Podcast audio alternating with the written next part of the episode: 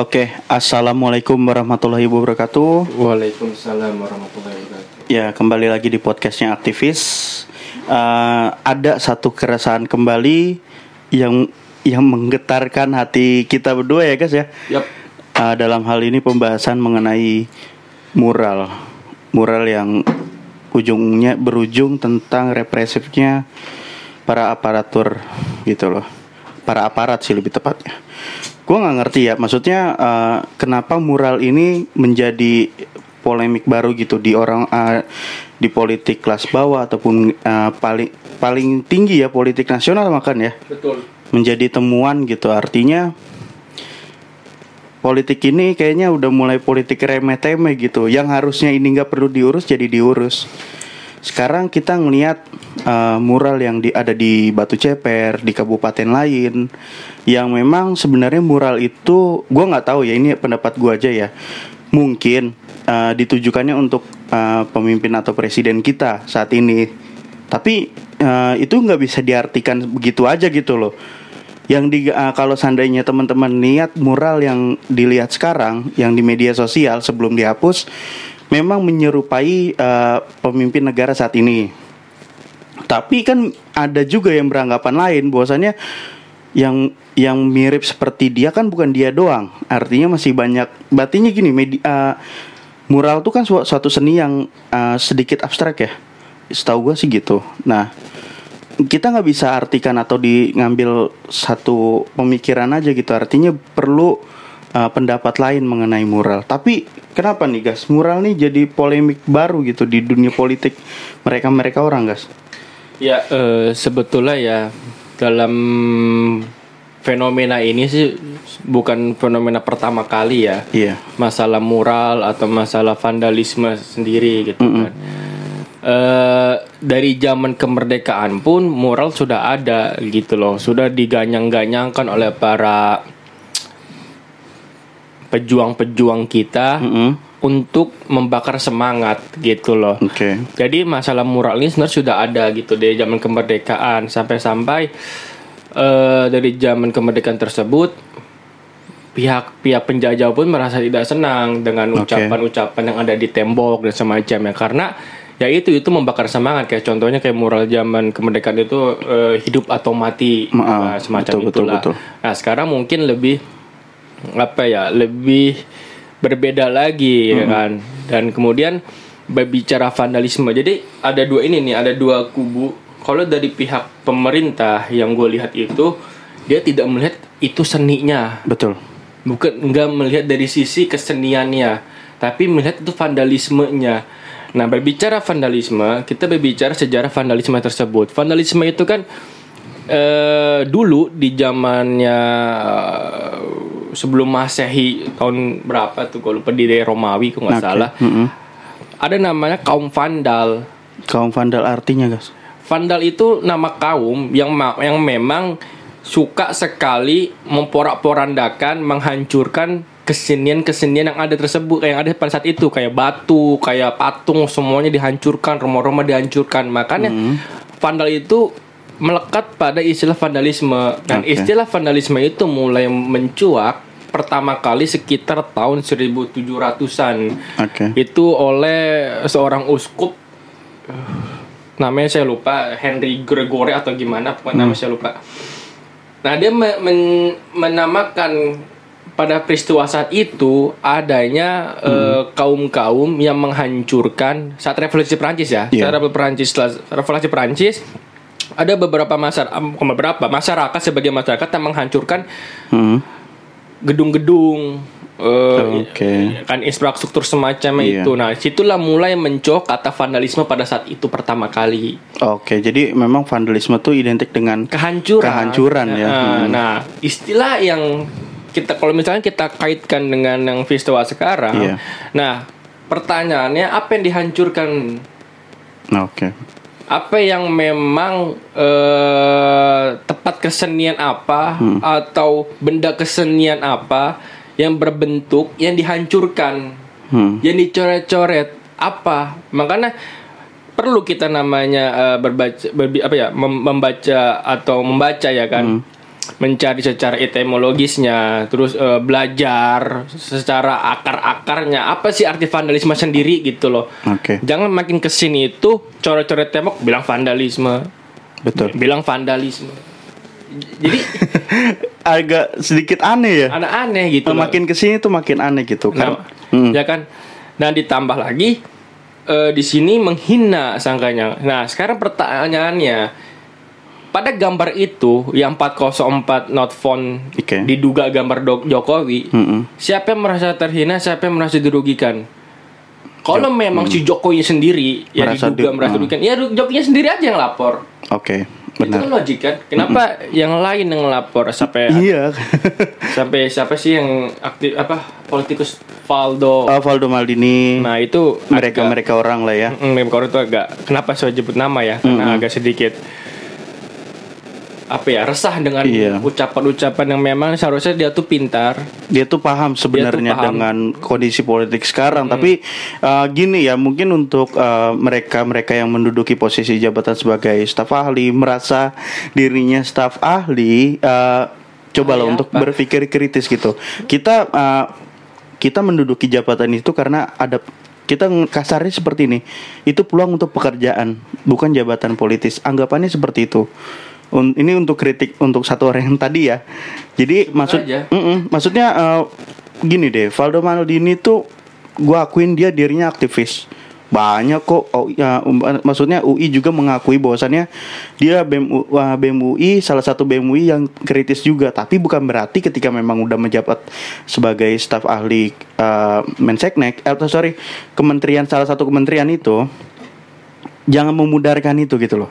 Ini ini tentang pembahasan yang memang sifatnya kritik tuh bol dibolehin gak sih? Padahal dia uh, kalau seandainya mengingat Valdo, Valdo Mandiri ya di mata Nauja bilang uh, negarawan, negarawan apa di mata anda? Anda bisa bilang negarawan itu tidak boleh main mural atau membuat mural karena mural itu pertama seni, kedua kalau seandainya memang uh, yang dimuralkan itu ada oknum ataupun merasa lah merasa dimuralkan dan um, jatuhnya pencemaran nama baik ya memang Jokowinya juga harus turun Nah iyalah. gitu kenapa harus ada pembelaan dari sini dari A si B si C si D sampai si Z sedangkan orang yang orang yang memang nggak nggak merasa dan memang nggak merasa dirugikan dalam hal itu kenapa sih Nah, iya gitu itu. Cuy itu aneh juga sih. Jadi saya menar gue menarik nih eh, ucapannya Sujiwo Tejo ketika diwawancarain kan. iya Dia ngomong gini. Gue lupa verbatimnya apa cuma gue apa namanya gue telah sendiri. Ya masyarakat akan merasa plong ketika tidak hanya mural itu aja yang dihapus yang berkonsep penghinaan. Betul. Tetapi mural-mural yang berjenis pujian-pujian perlu juga dihapus. Biar deal dong. Sama rata. Sama rata. Nah malahan situ tuh Sujiwo Tejo bilang bahwasannya malahan yang pujian-pujian itu yang yang akan menjadi cikal bakal penjilat. Betul. Nggak ada pujian menghina. Pujian apa nggak ada penjilat menghina. Betul. ya pu- yang penjilat pasti pujian ya mati harus adil dong. Mungkin kalau misalkan pemerintah meratakan semua itu mural dihapuskan betul. akan adil dan masyarakat akan plong. Iya. Itu sih konteksnya. Jadi tolonglah jangan menganggap mural ini sebagai eh, apa namanya seni yang fanatik gitu. Dia mereka tuh bukan fanatik. Ini udah jatuhnya udah keresahan masyarakat golongan bawah loh. Mohon maaf, eh, gua nggak ngina orang-orang mural itu eh, orang bawah ya, tapi dia mewakili keresahan yang ada di masyarakat bawah gitu. Karena dia ngelihat gini guys, dia ngelihat banyak masyarakat yang memang udah resah dengan kepemimpinan sekarang, merasa resah. Terus juga uh, yang gue temuin di uh, mural di kabupaten lain, kita disuruh sehat di negara yang sakit gitu. Itu itu pedes loh bagi gue. Dan yang Tuhan aku lapar itu ya kalau salah ya. Anjing sih maksud gua itu udah terlalu itu ter- terlalu strict coy. Itu kritik memang pedes sih. Dibilang kritik itu pedes. Karena memang itu yang memang udah dirasain sekarang. Kalau seandainya dibikin mural, berarti itu ada uh, anggaplah sebagai sejarah kepemimpinan yang saat ini tuh menurut mereka buruk gitu loh. Jadi gini deh. Gua gua lebih baik milih mural daripada baliho-baliho tinggi yang memang udah mempersiapkan 2024. Make sense dong. Kenapa?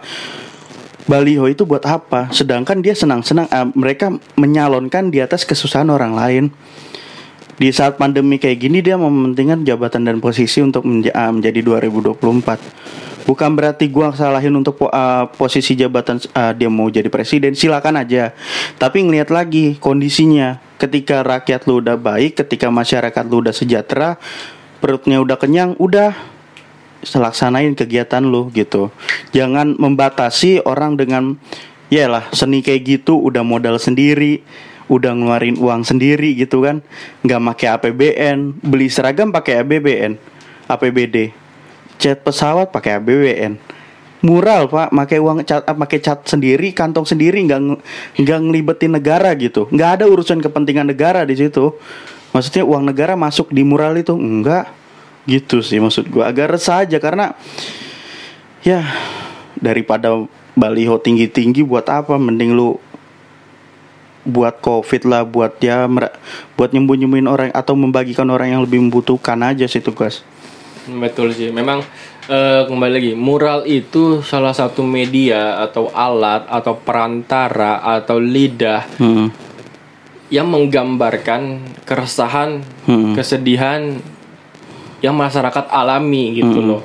Nah, mural juga salah satu kesenian yang memang bebas berekspresi. Betul. Gitu loh bebas ekspresi sekali lagi. Baik itu moral baik itu puisi baik itu teater baik itu film semua tuh kesenian itu bebas ekspresi gitu loh. Betul. Dan nyatanya yang pernah gua ketahui adalah seorang seniman atau seorang sastrawan Hmm. itu tuh berada pada posisi kalau kita gambarkan di atas gunung gitu loh. Iya. Dia tuh memantau keadaan bawah, keadaan perkotaan itu bagaimana gitu loh. Nah, bahayanya ketika seorang sastrawan, seorang seniman sudah mulai mengkritik pemerintah, oke. mengkritik pengko, apa kekuasaan, itu tandanya oh, sudah bahaya, sudah urgent ya? Sudah urgent karena sastrawan dan seniman sudah tidak lagi pada posisinya. Itu yang harus sama-sama kita ketahui, sama-sama kita deteksi Hmm. peristiwa itu gitu loh. Makanya oke lah mungkin pertama-tama ya prosesnya kaum kaum oposisi bergerak iya. kan. Mahasiswa, elemen masyarakat. Nah, ketika sudah sastrawan, ketika sudah seniman turun, budayawan turun, Hmm. mengkritik kekuasaan, mengkritik pemerintah, itu tandanya the urgent karena Iya. mereka sudah tidak lagi pada posisinya yaitu di atas gunung. Iya. Seorang filsuf. Mm-mm. Berarti memang ya wajar aja kalau seandainya pas awal-awal kemarin ada ada ada tagar yang mem- membuka mosi tidak percaya. Ya memang karena udah nggak ada kepercayaan lagi kepada pemerintah. Eh, kita merasa ya kita yang di bawah nggak bisa berharap lagi pada pemerintah. Bantuan-bantuan yang anda berikan itu nggak seberapa sih sebenarnya. Tapi eh, empati kalian itu kurang ke bawah. Bagi gue sih gitu guys. Ya memang, ya, poin gini, evaluasi pemerintah yang yang yang saat ini terjadi adalah satu pemerintah itu kehilangan kepercayaan pada masyarakat. Betul. Masyarakat kehilangan kepercayaan pada pemerintah.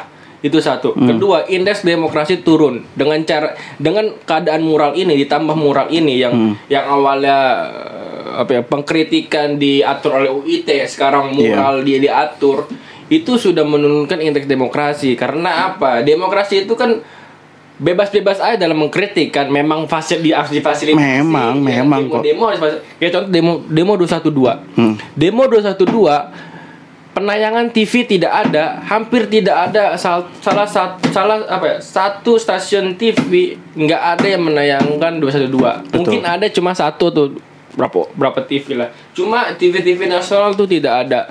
Betul. ya kan itu aja kan ditutupin gitu loh. Dan kita sebagai manusia sebagai warga negara punya hak untuk mengetahui apa yang terjadi. Betul. tetapi pemerintah menutup media tersebut untuk yang di rumah yang di kantor yang tidak ikut demo tidak tahu ada apa-apa ada apa di sana. Betul.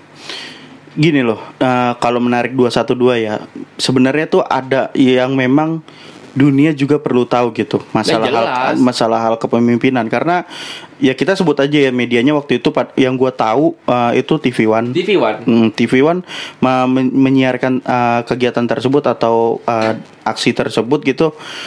Gini sih, uh, gue sih nggak heran ya kalau kenapa media juga ada yang bikin partai politik, it's okay lah. Mungkin dia merasa punya duit atau gimana. Karena media juga punya kepentingan kepada pihak sekarang tuh kepentingannya kepada pihak pemerintah pak. Karena uh, ya kita juga tahu sendiri lah bos media anaknya jadi wamen ada juga yang seperti itu. Artinya uh, pemerintah ini dalam hal lobby lobby udah udah gencar gitu. Nah balik lagi mengenai mural ya. Mengenai mural nih sebenarnya media propaganda lah. Dianggapnya media propaganda. Tapi kalau di Indonesia bagi gue ini hak uh, hak berekspresi gitu. Karena kalau seandainya kita lihat negara luar mural tuh dijadikan media propaganda. Zamannya Jepang tuh propaganda penjajahan muralnya sangat masif gitu. Bahkan sampai Indonesia uh, sebagai matahari sebagai matahari timur gitu. Artinya di Indonesia tuh Jepang mengenalkan uh, datang ke Indonesia melalui mural juga. Mural tuh sebenarnya sangat masif gitu. Dan mural yang di Indonesia saat ini adalah menggambarkan biar supaya pemerintah tahu pemerintah tuh mau dimasukin secara apa sih kalau hal kritik? Omongan udah perbuatan ya udah mural aja ditangkap. Bahkan yang kasihan lagi pak muralnya dihapus penggiatnya dicari. Gitu. Apa segitunya? Sedangkan gini dalam hal kasus politik uh, bang Senturi lah tar taruh ya korupsi deh. Korupsi mencari satu orang pun sampai 12 tahun jangan kan nyari jangan nyari seniman. Seniman mah gampang dicari kalau mau nangkep. Aparat banyak kok di bawah.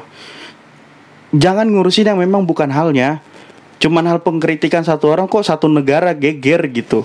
Yang geger tuh bukan rakyatnya juga, yang geger tuh pihak kepentingan dan pemerintah. Di Korea Utara juga, kalau seandainya kita balik lagi ke mural yang lebih luas, itu Korea Utara memporsir itu semua, dilangsamin. Kim Jong Un seperti apa, di, artinya mural tuh dimanfaatkan dengan baik. Nah, maksud gua kalau seandainya Indonesia juga dalam pemerintahnya bisa memberdayakan uh, orang-orang penggiat seni seperti mural tersebut bisa aja tapi bagi gue nggak make sense untuk sekarang karena muralnya sendiri aja yang di Indonesia untuk mengkritik pemerintah gitu. Kalau seandainya pemerintahnya udah bagus sih mural nggak oke okay, nggak masalah. Jadi buat propaganda untuk mem memper, apa membaguskan di depan publik gitu. Gitu sih guys. Maksud gue terlalu naif sih kalau seandainya ya elah pakai masalah mural staf khusus turun untuk mengkritik gitu. Bahkan berkomentar uh, ya lebih baik daripada bikin mural lebih baik uangnya dibeliin buat nasi. Uangnya aja itu buat beli cat pas-pasan pak. Seenggaknya dia ingin menggambarkan sesuatu gitu minimal. Dia nggak pentingin nasi dulu karena dia mau menyampaikan kepada pihak pemerintah selaku kepala presi uh, kepala kepresidenan. Seperti itu. Itu guys. Agak gimana ya? ya intinya sih pembahasan kali ini sih pembahasan bagaimana pemerintah itu telah melakukan penurunan indeks demokrasi mm -mm. gitu loh. Pemerintah telah e, sengaja menurunkan negara kita ini sudah bukan lagi negara demokrasi, Betul. akan tidak menjadi negara, negara demokrasi. demokrasi. Karena cikal bakal negara otoriter sudah terlihat ya kan mm. demokrasi yang seharusnya kita canang-canangkan kita bangga-banggakan kita lakukan fasilitas semuanya di dilengkapi diatur disediakan untuk bagaimana kita menyampaikan aspirasi keresahan kita aspirasi kritikan kita ini malah dibatasi Betul. nah itulah uh, pemerintah sudah terlihat sudah ketangkap basah lah kasarnya iya. cuman pemerintah mm. masih kekeh masih ber, masih merasa apa ya masih merasa dirinya itu kuasa sepenuhnya mm -hmm. gitu loh ya ya gue sih khawatir bahwasannya kalau memang mural aja dalam tanda kutip kesenian saja sudah digoreskan sudah disenggol okay. sudah diatur ya tunggu aja tanggal mainnya sastrawan itu mengkritik bukan berdasarkan emosional, bukan berdasarkan emosi sesaat atau emosi eh, marah-marah yang gak ada hmm. argumen, tapi dia berdasarkan argumen, berdasarkan hati nurani, berdasarkan apa yang dia lihat dan okay. apa yang gak dilihat oleh orang banyak. Nah, itu sastrawan. Betul. Makanya hati-hati aja ini sudah udah lampu kuning ya, udah lampu urgent. Para sastrawan, para seniman, para budayawan tidak diam. Tunggu tanggal mainnya aja. Kalau memang eh, ini terus-terus berlanjut, Hmm. jangankan pemerintah, negara pun bisa runtuh kalau sastrawan dan seniman sudah Iya. bergerak. Itu ta- dalam gambaran aja ya. Betul betul. Artinya eh, eh, Indonesia kan eh, mempunyai beberapa elemen gitu dalam kelompok masyarakat. Salah eh, salah satunya seniman gitu ataupun sastrawan. Artinya gini, eh, yang tadi diucapkan eh, itu bukan ancaman, tapi lebih ke arah eh, negara mesti hati-hati gitu. Hati-hati dalam hal bertindak, hati-hati dalam eh, mengucapkan argumentasinya karena ini udah uh, urgensi artinya udah ke- uh, darurat kita juga darurat kita semua kita lagi krisis semuanya pak Ya soal ancaman itu urusan pemerintah Iya, ya iya. mau menanggapinya bagaimana. Karena gini loh, itu nggak fair. Kalau memang Oke. pemerintah merasa itu kritikan ancaman, Mhm. ya pemerintah sudah mengancam, Iya mengancam masyarakat. Jadi kenapa kita harus menutupi ini? Bukan ancaman, bukan apa? Silakan aja pemerintah men- Hmm. menyikapi itu apa gitu loh. Karena ya udah fair-fairan aja. Pemerintah sudah sudah merasakan masyarakat. Pemerintah sudah membuat masyarakat kebingungan sampai kehilangan kepercayaannya gitu loh. Hmm. Lalu kenapa ketika kita membuat sebuah kritikan di, dianggap tuh ancaman, dianggap tuh hinaan? Itu nggak fair, coy. betul sih Jadi ya udah kita gerak-gerak aja gitu loh. Hmm, Biar masyarakat menilai biar sejarah yang mengutik. betul ya karena juga masyarakat bisa nilai lah Lah iyalah. Heeh, pasti karena ya ya Tuhan gue nggak ngerti sih ketika gue anggapan gue gini guys gue ngebayangin aja ketika nanti eh, ketemu nih yang buat mural ditangkap terus diapain mau diapain gitu enggak maksudnya Dipidanakan lah. dipidanakan da, pidananya seperti apa masuknya ke mana Ini apa mencoret-coret fasilitas negara lah. Fasilit Yang menghina. menghina gini eh, polisi yang memberat uh, siapa gue sebut lah polisi itu memberatkannya di di apa ya eh, sebagai lambang negara Ya itu kan tolol ya kan. itu sebagai ya Allah kok bodoh ya Makanya eh, dia mengatakan Hmm. presiden adalah lambang negara sama saja dia telah menghina presiden sendiri. Gitu. Iya. Lambang negara itu benda mati. Benar Presiden itu ada makhluk hidup di situ bekerja. Benar. Kalau misalkan dia mengatakan presiden lambang negara, presiden itu benda mati. Benda mati itu lebih rendah dari benda hidup. ya Tuhan Kalau dalam konteks umumnya ya, iya ya kan? di undang-undang tahun 2009 gitu ya gue inget banget DPR itu sudah menyebutkan atau me- membuat satu ketentuan dalam undang-undang uh, bahwasannya negara itu mempunyai lambang bendera yang disebut sebagai uh, keseluruhannya ya maksudnya lambang negara gitu tapi bukan termasuk or- uh, orang yang memimpin Ya karena sebutkan aja lambang negara kita apa? Burung Garuda. burung Garuda Simbol negara kita apa? Pancasila Ya sila. Terus bendera, bahasa. bendera bahasa bentuk negara pun sebagai simbol itu termasuk maksudnya gini ya mau mau pemimpinnya siapa ketika itu di dikritik sama masyarakat ataupun rakyat ya lu ngapain jadi yang resah gitu Ya ini gitu. Presiden Heeh. presiden itu bukan lambang negara. Presiden itu fungsi yang Fungsi, memang heeh. dipilih per periode lima tahun sekali. Betul, Ya kan betul. satu periode lima tahun sekali. Yang mana beda sama lambang negara, beda sama simbol yang tidak dipilih berkali-kali diganti berkali-kali. Kalau misalkan sebuah negara simbol dan lambang negara-negara diganti itu kacau malahan. Tapi yang namanya simbol nama lambang sudah kesepakatan Hmm, sesuai konstitusi yang memang sudah direncanakan oleh founding father kita. betul Udah betul nggak usah dikaitkan lagi, udah itu lagi. Nah, orang atau instansi yang menyebut presiden lambang negara atau presiden simbol negara, coba dah telah diri sendiri. PPKN udah berapa? iya Gitu loh. Oke, gue hilaf. Kalau hilaf jangan ke publik. Klarifikasi kalau hilaf, jangan malah diem aja. hmm, merasa dirinya benar sih guys Nah, makanya itu contohnya ya itulah mana titik di mana manusia yang mungkin apa namanya ya merasa dirinya benar, Iya gengsi untuk mem- meminta maaf mengklarifikasi karena seorang pejabat ya. betul Itu yang kacau sih. Jadi uh, sekarang tuh mereka uh, gua anggap mereka udah berpikir terbalik gitu. Ya ampun, gua sebenarnya nggak mau sih uh, ngicipin ataupun ngerasain zamannya sekarang tuh zamannya orde baru. Yo ka- kalau kalau kata bokap gua, eh, bokap nyokap gue yang dulu dulu gitu zaman orde baru mah memang semua ada tapi tetap aja buruk juga karena ngeritik pemerintah sama aja sama dengan penjara gitu. Artinya ada pidana di dalamnya ya gini sih. Ya kalau nggak mau dikritik lu mau jadi apaan? Gitu. Lu mau jadi malaikat yang memang gak kelihatan tapi bisa nyatet dosa lu? Atau lu mau jadi malaikat yang bisa nyebut nyawa tiba-tiba hilang aja tuh nyawa orang? Mau sakaratul maut kayak mau hidup sekalipun. Aduh. Nggak gini. Mural bagi gua gua nggak setuju banget. Ya elah penggiat seni kayak gitu. Coba deh cari yang memang nih kalau seandainya kita bandingin dalam hal pidana korupsi ya ada yang memang udah korupsi bansos satu plastik itu eh, satu kantong 10.000 ribu kali berapa juta rakyat Indonesia yang ada di sini. Terus itu mi- diminta dibebaskan. Dan kejaksa atau apa kejaksaan ya? Dan kejaksaan itu eh, masih memproses eh, pro- apa namanya orang yang peng- memang pengen bebas itu yang merasa dirinya nggak bersalah tapi uangnya udah di kantong Ya kan geblek lah. Ya itu namanya jaksa itu kan jaksa itu berpotensi iya. melakukan kecurangan. Jaksa itu kan potensinya itu kan. Makanya apa namanya ya negara kita tuh semua gua rasa semua tuh sadar bahwa sana ada istilah tajam ke bawah tumpul, Tumpul di atas. nah itu memang nyata. nyata banget nyata banget dan memang realitanya masih terus berlangsung. Mm.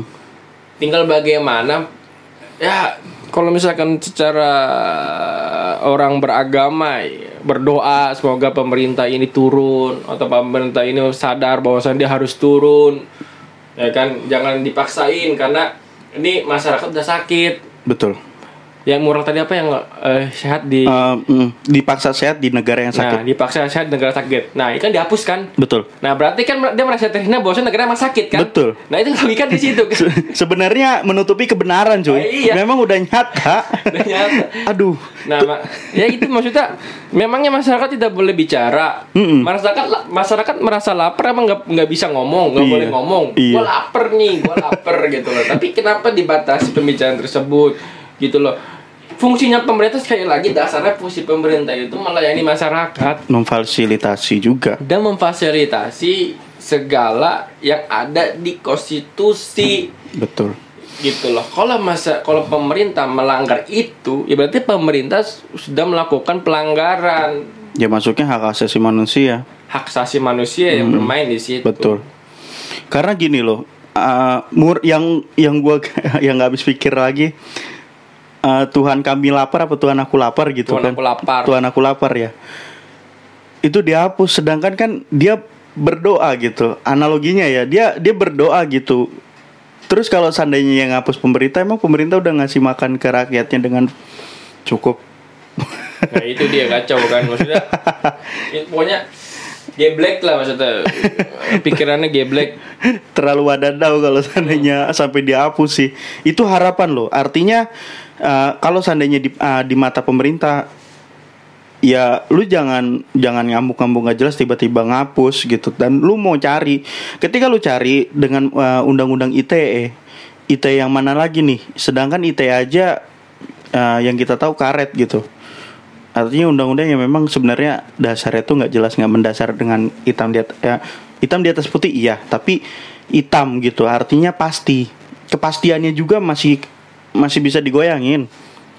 Gitu loh. Artinya tolonglah. Kalau seandainya memang eh, kalian-kalian yang menjabat di pemerintahan merasa memfasilitasi merasa eh, memberi pangannya memang sesuai nggak masalah.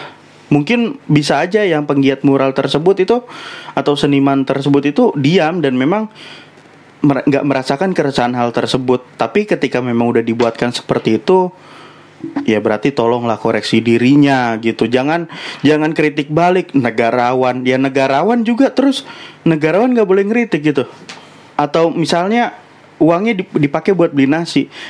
Masyarakat jangan disuruh beli nasi udah paham karena urusannya perut gitu. Dia pasti menyisihkan uangnya untuk membeli cat tersebut kalau di kalau diperinciin lagi ya. Karena Valdo Maldini ngomong gitu, Pak. Dia sekarang gini ya, ya. Hmm. Oke, lapar lebih beli nasi dibandingkan beli cat. Mm-mm. Sekarang gini, orang tersebut telah melakukan suatu tindakan, sebuah perjuangan, pergerakan Betul. yang memang akan dia berpikir ke depannya ini akan berhasil nih mural tersebut. Makanya dia rela untuk tidak makan demi melakukan pergerakan tersebut. Agar jadi nih mereka itu seniman itu sedang melakukan semacam eh, seruan kepada kita masyarakat terutama. Jangan diam. Betul. jangan diam. Jangan sekali-kali kalian ditindas hanya diam. Tapi kritiklah gitu loh. Makan itu bisa dicari tetapi kebenaran tetap perjuangkan Dan itu susah dicarinya kebenaran karena banyak hambatannya. ya makanya gitu loh masalah moral aja pokoknya pemerintah tuh sudah terlalu jauh mengkoreksi kehidupan masyarakatnya Ter- udah kedalaman. sudah terlalu jauh terlalu dalam terlalu mau ikut campur Betul. gitu loh Betul. ya kan itu kan kalau memang kan kalau lagi kalau memang itu moral diduga adalah Jokowi diduga ada eh, presiden kita ya kan saya tanya siapa yang dirugikan Ya presidennya sendiri. kalau memang presiden dirugikan turun tangan langsung tuh cari tuh orang menghina gue terhina Merasa dihina Gua gua. iyalah ya, itu kan Gitu. Tapi kalau kata gue mural 404 ya. Itu kalau seandainya mata kali itu untung matanya ditutup. Maksudnya gini, ketutup aja gue ngeliatnya kayak ada Hitler ya. Mengkilap rambutnya sama. Ya artinya ya ya, orang-orang yang merasa punya kepentingan sama presidennya ya jangan jangan langsung ambil ngambil sikap yang wah ini Jokowi. Ya kan bisa aja Hitler gitu yang digambarkan. Aduh. Ya gini sih eh cobalah untuk lebih kooperatif gitu. Maksudnya gini loh bebaskan kami untuk mengkritik bebaskan kami untuk berpendapat mengenai kekurangan dari pemerintahan yang kita sampaikan, yang mereka sampaikan itu bukan berarti itu sebagai eh, apa ya keberpihakan antara mereka sama pemerintah enggak, tapi ini untuk kepentingan semua. Kalau seandainya ngomongin masalah mural, waduh, gua nggak habis pikir lagi sih guys. Gimana nih guys? Enaknya guys? ya kita berdoa lah selain berdoa kita tetap terus ikhtiar terus melakukan pergerakan kita bergerak demi kebenaran satyagraha ya kan Mm-mm. terus mencari kebenaran bukan mencari kebenaran tapi membawa kebenaran gitu loh bahwa sana pemerintah ini ada kesalahan nggak semuanya pemerintah benar Hmm. ya kebenar- kebenaran itu nggak absolut gitu loh Betul. kalau memang pemerintah sudah merasa paling benar ya masyarakat nggak akan demo sih masyarakat nggak akan protes Oke. Nah, adanya suara-suara publik ini yang berkoar-koar dari eh, beberapa tahun yang lalu ya kan. Ini karena masyarakat sudah merasakan kesakitan. Orang sakit pasti ngeluh lah rata-rata. Orang sakit pasti kan protes. Hmm. Apalagi sakitnya bukan oleh diri sendiri tapi ada orang lain ya kan yang, yang menyakiti dirinya. Betul. Ya berarti ya harusnya pemerintah sadar, cepet-cepet sadar gitu loh. Mungkin dia sadar, cuma Belgia aja sih Iyalah.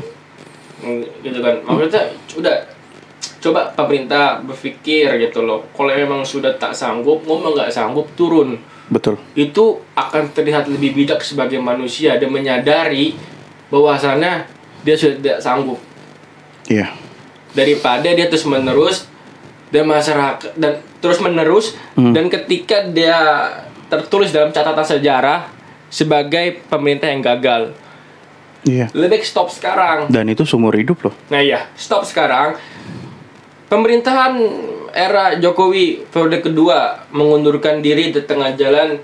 Dia mereka sadar bahwa sana mereka tidak sanggup melakukan seperti ini. Ada lantarannya ya. Nah iyalah, itulah kan lebih bijak. Iya. Kayak contohnya Harakiri. Betul. Ketika pejabat Jepang merasa sudah tidak bagus kinerjanya, dia rela bunuh diri. Itu sikap kesatria. Dia menyadari dengan cara harakiri. Betul. Kayak Dan- contoh KZKG. Hmm.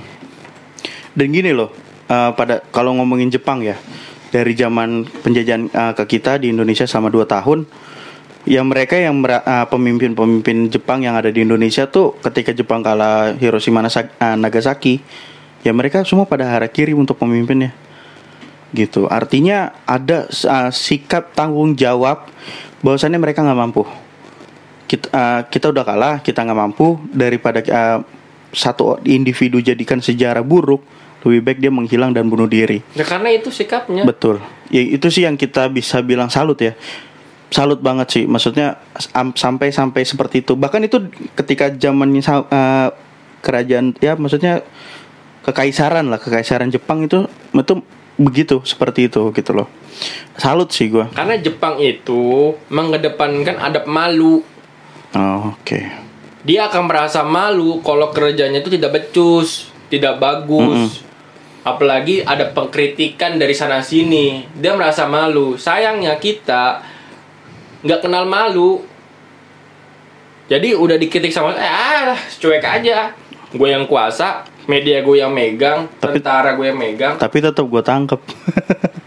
gitu. Ya makanya karena dia nggak tahu malu. Iya, Makanya ditangkepin. dia merasa nggak punya dia merasa nggak malu merasa nggak salah. Pe- aparat dia yang kuasain media dia yang kuasai ya sesuka dia nangkep nangkep Betul.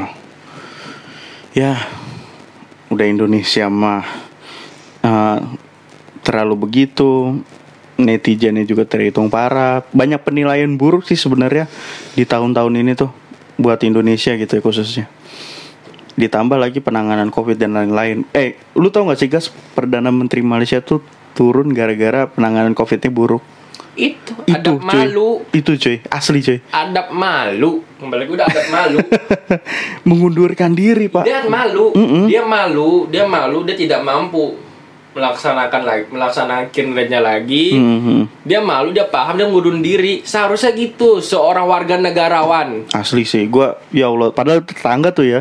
itu seorang negarawan yang disebutnya Valdo itu seperti itu Bukannya negarawan suruh beli nasi, bukan. soal beli nasi soal dia beli cat itu urusan mereka dia Iya. ngatur dia dia dia beli cat dia nggak makan itu pasti mereka punya konsekuensi oh Pasti. nanti gua nyari makan di mana Mm-mm. ya lu nggak usah mikirin itu Dan pasti udah nyisihin lah, di- mereka lebih pintar daripada pada kalian. nggak usah nggak usah so so cari solusi cari apa sih cari Saran, saran. saran yang pada akhirnya lu sendiri geblek Betul. Kurang Ya tepat, kurang tepat. Ya iyalah. Hmm, kita nggak tahu jalan pikiran orang betul. ya kan siapa tahu pada saat itu dia beli dia sedang, sedang banyak uang kita nggak tahu kan Mm-mm. itu salah satu juga kan Betul. Bisa aja seperti itu, tapi kan nggak mungkin juga dong. Nggak bisa dikategorikan seperti apa yang dibayangkan pemerintah kan. nggak bisa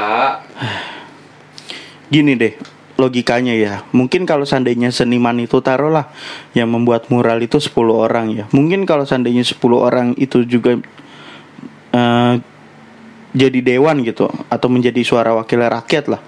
Mereka juga penyampaiannya bukan melalui mural lagi. Pasti mau eh, menyampaikan melalui sidang-sidang paripurna gitu.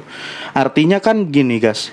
Banyak metode, banyak cara kan untuk eh, seseorang atau individu menyampaikan keresahan gitu.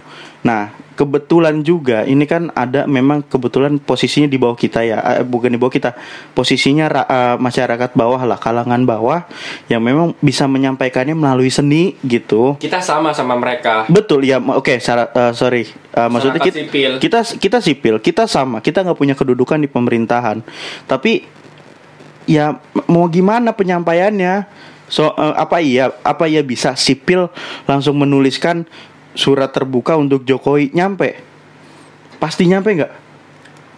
Sulit kan buat dijawab. Artinya ya berarti mau nggak mau uh, mereka berpikir gue sampaikan lewat seni atau gue sampaikan lewat sastra atau gue sampaikan melalui demo banyak penyampaian yang memang sipil bisa lakukan intinya mereka tuh lebih hebat dibandingkan kita betul mereka itu pelaku seni itu memiliki keresahan yang luar biasa lebih dalam yang memang kembali lagi tidak bisa dilihat oleh orang pada umumnya. Maka dia membuat semacam karya semacam itu. Baik puisi baik mural baik teater. Mm-mm. nah kan? Orang pada umumnya biasa nggak bi- nggak kepikiran ke situ. Iyalah. Ketika muncul langsung ditangkap. Ketika ini langsung ditangkap. Maksudnya apa? Coba tuh terlalu terlalu mendramatisir suatu eh, suatu polemik yang memang sebenarnya polemik itu nggak nggak terlalu besar juga dan itu bukan polemik ya dan itu memang keresahan aja dan banyak kok sebelum sebelum sebelum ini mural-mural yang lain juga banyak Nah, yang gue lihat, yang gue baca, Mm-mm. kondisi pemerintah ini sekarang sedang limbung, memang sedang kebingungan. Nah, dia takut adanya semacam euforia-euforia masyarakat Mm-mm. yang disebabkan oleh moral tersebut. Makanya sama halnya kayak penjajahan dulu. oke Mereka takut kalau masyarakat itu bertambah semangatnya. Makanya di stop lah media-media yang memang eh, difungsikan untuk meningkatkan gelora semangat gitu loh. Mm-mm. Nah, pemerintah kelihatan udah ketakutan. Kalau memang masyarakat itu mak- makin lama makin masih makin sadar. Kalau memang pemerintahnya sedang kacau balau, sedang uring-uringan sedang uring-uringan gitu loh. Makanya pemerintah menutup segala akses yang bersifat aspirasi masyarakat. Dikaitkanlah undang-undang, nggak ada undang-undangan, dibuatlah dibuat undang-undang. undang-undang. Aduh. Ginilah, cobalah buat pemerintah, buat mereka-mereka yang punya pemangku kepentingan, jangan batasi mengenai eh, mural seperti itu. Kalau seandainya memang mau ditanggapi, kalau seandainya memang merasa diri Anda negarawan, Hmm. ketika melihat seperti itu, ya respon datengin senimannya, kasih beras atau kasih apa yang memang dia perlukan. Gitu loh. Artinya gini, uh, kita datengin bukan berarti langsung menghakimi atau menjebloskan dia ke penjara gara-gara uh, pencemaran nama baik atau ITE. Ya nggak gitulah. Maksudnya mereka tuh keresahan karena perut, perut mereka lapar. Mereka haus, mereka lapar dan mereka mampu bersuara melalui hal itu. Ya sebenarnya sih uh, masih banyak lah mural-mural lain. Kenapa mural ini aja gitu? Artinya gini, kalau ngomongin tadi bagas yang pertama vandalisme ya. Vandalisme itu eh, yang gua tangkap vandalisme itu memang eh, mural yang memang tidak beraturan, artinya juga sifatnya meresahkan. Pandal itu nggak hanya nggak hanya mural. Mm, Enggak, enggak, maksudnya yang gua tangkap gas gini. eh, contoh ya, misalnya di tembok warga yang memang itu tembok dan rumahnya masih berfungsi atau masih terpakai milik warga, itu dicetak salah-salahan. Itu Tanpa termasuk izin ya? tanpa izin. Itu gua itu asli gua nggak suka. Karena memang tanpa izin juga dan itu dilakukan secara nggak beraturan gitu, nggak ada pesan yang disampaikan, sifatnya cuma merusak lah. Nah, ini dilakukan eh, pertama yang lu perlu tahu guys, yang di eh, yang eh, not phone itu kebetulan itu di wilayah Kunciran dan memang wilayahnya terkena eh, dampak tol tol pembangunan itu yang ke arah bandara sama halnya kayak Kampung Benda gitu. Nah maksud gue gini, kita bisa aja menganggap bahwasannya mural itu juga dibangun oleh warga-warga apa seniman yang memang tinggalnya di situ yang berdampak penggusuran tol itu. Karena penggusuran tol ini aja yang yang saat ini berjalan guys masih polemik meng- mengenai eh, harga harga per meternya itu masih jadi polemik juga. Jangan mengambil pandangan satu arah aja gitu. Kalau bagi gue beranggapan kayak gitu gas, karena apa? Itu dibangunnya di wilayah situ yang memang terkena, terkena ke- tergusur lah. Anggap aja yang eh, yang eh, seniman tersebut itu warga yang terdampak, make sense dong. Kalau seandainya mereka membuat seperti itu, Ya iyalah. Artinya apa? Ada bermasalah banyak selain daripada satu orang yang memimpin pemerintahan, ya Jokowi. Jangan ngambil ke situ. Artinya semua golongan yang ada di situ, termasuk menterinya siapa, eh, apa namanya, kepala aparat negara siapa. Berarti kan sem- semuanya terkait nih. Jangan ngambil pandangan, oh ini eh, vandalisme, me- apa namanya, merusak citra nama baik presiden. Iya, tapi kok yang laporin bukan presiden, gitu. Nah, balik lagi, jangan menganggap seperti itu. Selesain lah. Kalau seandainya masalah kampung kam- apa yang terdampak tol ya cobalah selesain pemerintah itu juga masih banyak eh, apa namanya penggusuran yang memang belum dibayar oleh pemerintah juga PUPR juga termasuk di situnya gitu loh Ya, ini ma- eh, apa? Sedikit catatan nih mengenai Mm-mm. vandalisme. oke Menurut gua ya, vandalisme itu yang cocok dikategorikan adalah ketika ada warga negara atau manusia mencoret-coret tumbuhan batu Oh. yang memang nggak bisa diperbaiki lagi itu Ya memang batunya juga batu alam ya. batu alam Mm, mm, Kutip. kalau misalnya masalah tembok atau masalah itu yang namanya merusak berarti kan hancur Betul. susah diperbaiki Hmm. yang namanya tulisan memperbaikinya itu kan dicat Iya. jadi menurut gua pribadi mengenai vandalisme lebih cocok untuk saat ini adalah ketika ada warga negara mencoret atau merusak alam itu vandalisme masuknya menurut gue. Betul. ya kan? Karena itu jelas ketika tumbuhan dihancurkan dibabat habis ya nggak sulit lagi numbuhinnya. Udah rusak ya contoh pemerintah pun sudah melakukan vandalisme sebetulnya. Kalimantan. Betul. itu Sumatera juga. Sumatera coba kau lihat dari atas pasti bentuknya bagus kan?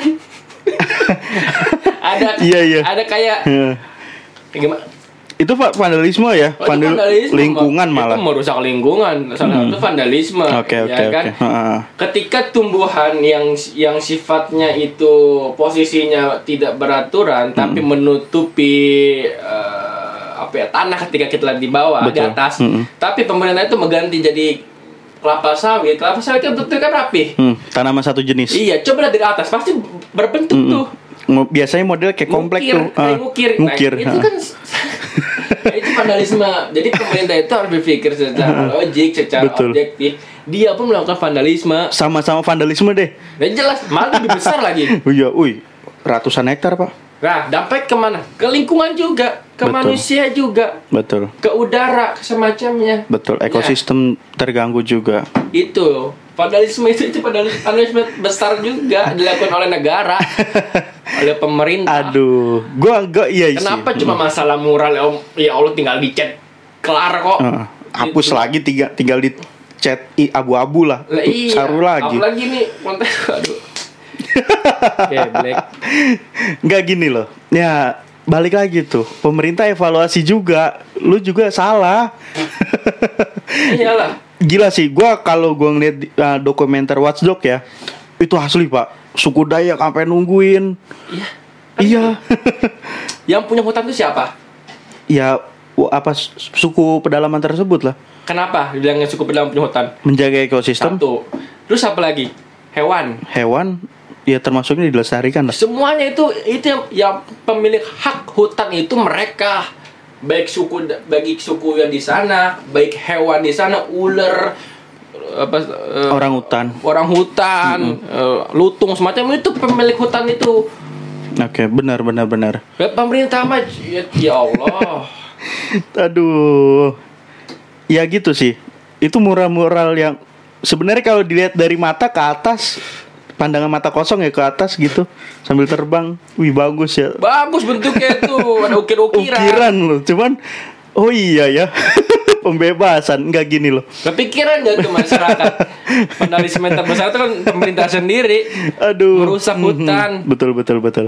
Artinya gini loh. eh, ini kita sama-sama fair ya. Van- secara vandalisme semua vandalisme keduanya dari pemerintah dari kita juga dari golongan sipil. Nah tapi eh, berdampaknya lebih besar mana ketimbang cat sama penembangan pohon yang memang kebetulan juga kalau seandainya yang ditebang itu pohon yang dilindungi loh. Nah, bedanya adalah Uh-uh. masyarakat sipil yang membuat mural itu membawa pesan, membawa keresahan, Betul. membawa suara-suara yang memang tidak bisa disampaikan dibentuklah dalam bentuk mural itu Betul. bedanya kalau pemerintah tidak membawa pesan tidak membawa kesejahteraan tetapi dia membawa perusakan yang akan terjadi nggak hari ini Mm-mm. tapi kemudian hari dan sekarang sudah meng- sudah masyarakat sudah mengalami dampaknya secara pelan-pelan. Dan membawa keuntungan ke pribadi masing-masing sih itu. itu pasti. Nah itu yang itu yang bedanya masyarakat sama pemerintah, Pemerintah. ya kan? Hutan. Lindungilah hutan. Asli pak. Itu Sumatera ya. Gua ngeliat di Google Earth gitu Banyak yang memang udah somplak. Artinya Somplaknya pertama ya tambang. Tambang udah jelas merusak banget lah terus penebangan hutan yang memang pembebasan sifatnya liar ataupun legal ya menurut pemerintah ya.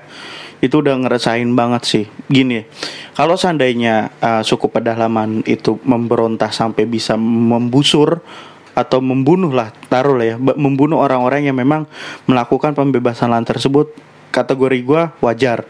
Karena apa? Itu merasa hutan adat gitu loh. Hutan yang memang sudah dilestarikan sudah lama dan juga pihak pemerintah tidak ada namanya uh, penyuluhan. Amdal. amdalnya juga artinya penyuluhan juga ke masyarakat atau masyarakat pedalaman itu secara masif dan konsisten.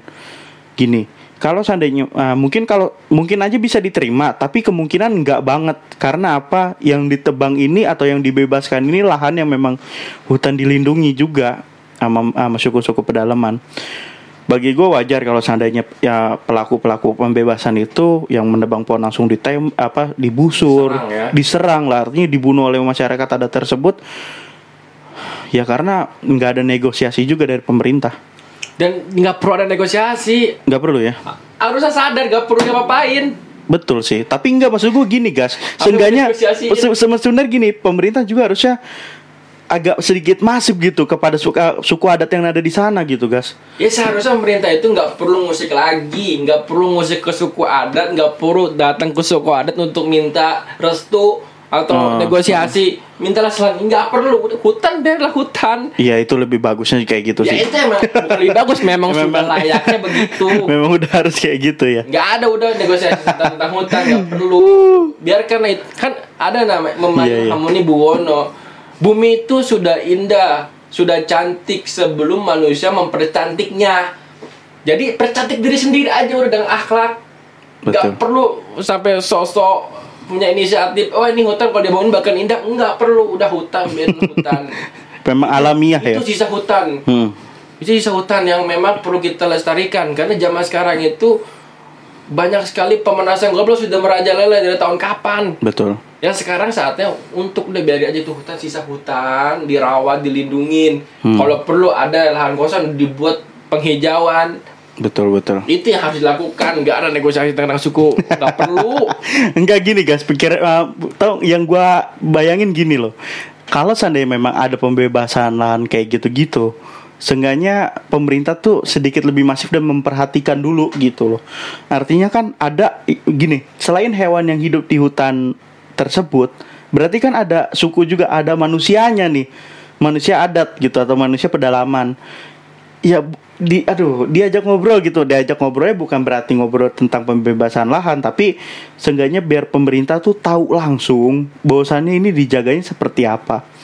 Jadi kayak uh, dari misalnya Kementerian ya, Lingkungan Hidup dan Kehutanan ya mereka juga harusnya udah tahu kok dan mereka udah tahu bagi gua. Tapi seenggaknya lebih masif gitu mengenali mereka lebih dalam. Gimana sih cara mereka hutan itu seperti apa? Ya gue gini aja guys yang gue kecewain sebenarnya dari awal. Karena eh, harusnya Kementerian Lingkungan Hidup dan Kehutanan itu diisi yang memang orang mengerti akan lingkungan atau aktivis lingkungan itu sendiri gitu. Nah, iyalah. karena ini jabatan politis ya diisinya sama orang politis lagi. Ya sekarang gini loh, berbicara hutan itu udah vandalisme. Sekarang berbicara laut, pantai, pik. Oke. Ya itu almarhum bokap gua cerita. Oke. Itu nggak masuk akal banget laut diuruk. Tapi beneran ada itu laut laut diuruk. Itu pandangan orang awam ya? Iya. Dia bilang laut diuruk. Tapi bener ada laut diuruk. Itu kan gini loh ini logika aja nih ya. Iya. Akibat pemanasan global atau global warming Mm-mm. dampaknya pencairan kutub utara maupun selatan. Logikanya, es-es yang ada di kutub utara dan selatan itu mencair, berarti kan volume air bertambah. betul Butuh wadah yang lebih besar, yaitu laut kan, ya kan lautnya. Tapi di sini laut diuruk, dijadiin daratan. Hmm, Berarti wadahnya makin kecil. betul Makanya ada namanya eh, penelitian di tahun 2000 berapa itu Jakarta Jakarta tenggelam. akan tenggelam ya karena semakin lama wadah yang harusnya ditempatkan ada fungsikan untuk tempat air pencairan pemanasan global itu. Mm-mm. bukan dilebarin malah dipersempit. Ya wajar bakalan luber. Iya, Nah harusnya bagaimana menghentikan pencairan itu? Bukan menambah pulau ya. bukan menambah pulau. Itu salah satu vandalisme Vandalisme juga. rusak. Vandalisme dalam tadi kehutanan, terus juga ini lautannya juga. Ah, Iya. lengkap ya. ya lengkap belum kita bicara udara Iya, banyak. PLTU tuh udara tuh, Pak. Nah itu kan. Kita menjabarkan vandalisme yang memang Sebetulnya itu vandalisme ya Mungkin mata orang awam vandalisme itu coret-coretan kan Hmm. Betul. Tetapi nggak juga Vandalisme itu merusak Intinya merusak fasilitas kesenian Kalau misalkan berbicara sejarah ya Kaum vandal itu Mm-mm. Banyak berarti yang harus dikoreksi juga ya. Nah makanya kita Satu banding berapa ini kayaknya? perlu namanya kita berpikir secara luas Jangan sempit Mm-mm. Kalau berpikir secara sempit ya Ketemunya cuma satu arah Dia tanggapannya vandalisme merusak dan coretan doang. Eh, Iya Itu sih Artinya banyak nih kalau seandainya main scoring antara uh, sipil dan pemerintah sat- satu sama tiga poin.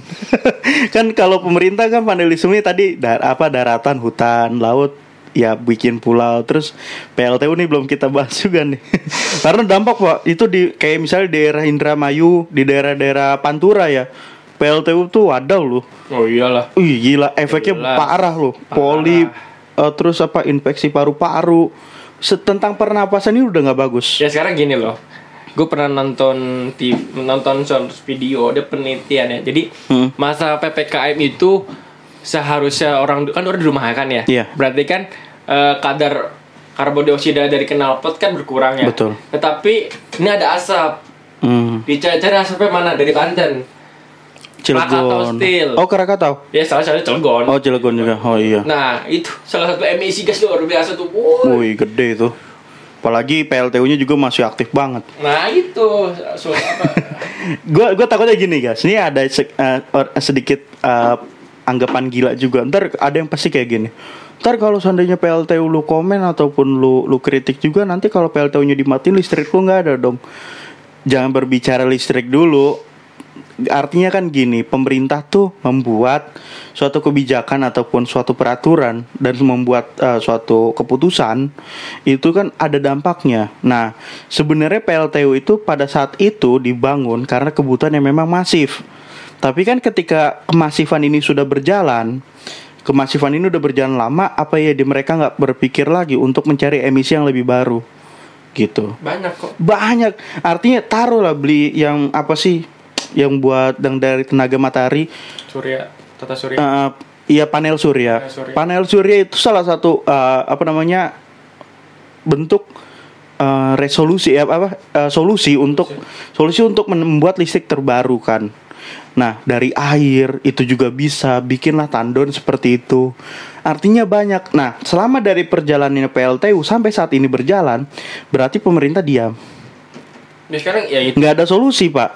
Nggak nggak ada gimana ya? Ini gua nggak ngerti sih peneliti Indonesia tuh terlalu pintar apa terlalu bodoh. Harusnya mikir pasti dia berpikir gini, ini emisinya besar atau polusi udaranya besar nih kalau seandainya panjang. Gue yakin dia tahu. Cuman karena memang kebutuhan uang dan perut, akhirnya ya udahlah ya nggak apa-apa. Yang penting ilmu gua kepake, gue dibayar. Gitu. Ya intinya gini loh, kalau misalkan tanya solusinya apa ya, sekarang pertama-tama yaitu pemerintah sadar apa yang menjadi penyakit. Betul. Ya udah, yang udah dari penyakit yang sudah dibangun, sudah udah berdiri, udah biarin aja nggak apa-apa. Mm-mm.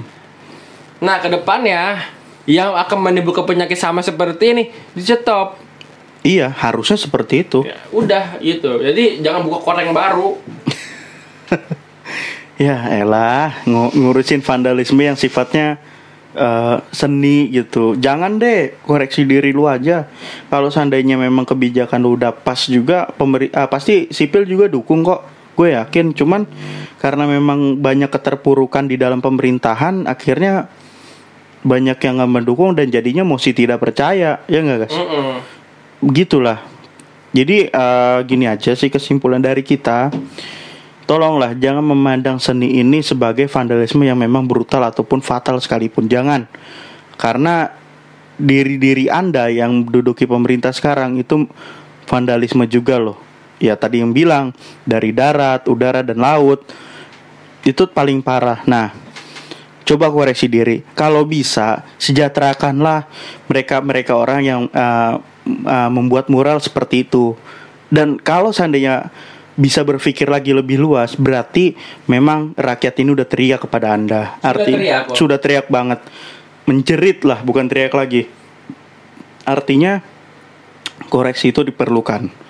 Jangan merasa Anda manusia setengah dewa seutuhnya karena dewa pun memberikan kesejahteraan pada umatnya. Kalau kata apa orang-orang Hindu gitu yang mempercayai dewa Krishna, mereka uh, dewa atau dewa-dewa Krishna itu dan teman-temannya mensejahterakan gitu loh. Jadi aduh Tolong untuk Valdo Maldini juga jangan memberikan kesimpulan yang memang gak ada dasarnya. Kalau seandainya Anda menyamakan mural dengan sebungkus nasi, itu nggak tepat. Kalau bisa, tolonglah uh, kasih solusi yang lebih terbaik lagi. Anda kan udah jadi staf khusus, gitu. Oke guys. Siap. Mungkin itu aja dari kita. Terima kasih atas uh, teman-teman yang sudah mendengarkan podcast ini. Tolong, ini penyampaian kita dan ini suara kita untuk mereka-mereka yang mempunyai kepentingan di pemerintahan. Ini suatu kritikan karena sudah terlalu jenuh ditambah PPKM yang tidak ada ujungnya dan tidak ada kejelasannya untuk penanganannya. Gitu. Terima kasih teman-teman atas waktunya. Assalamualaikum warahmatullahi wabarakatuh.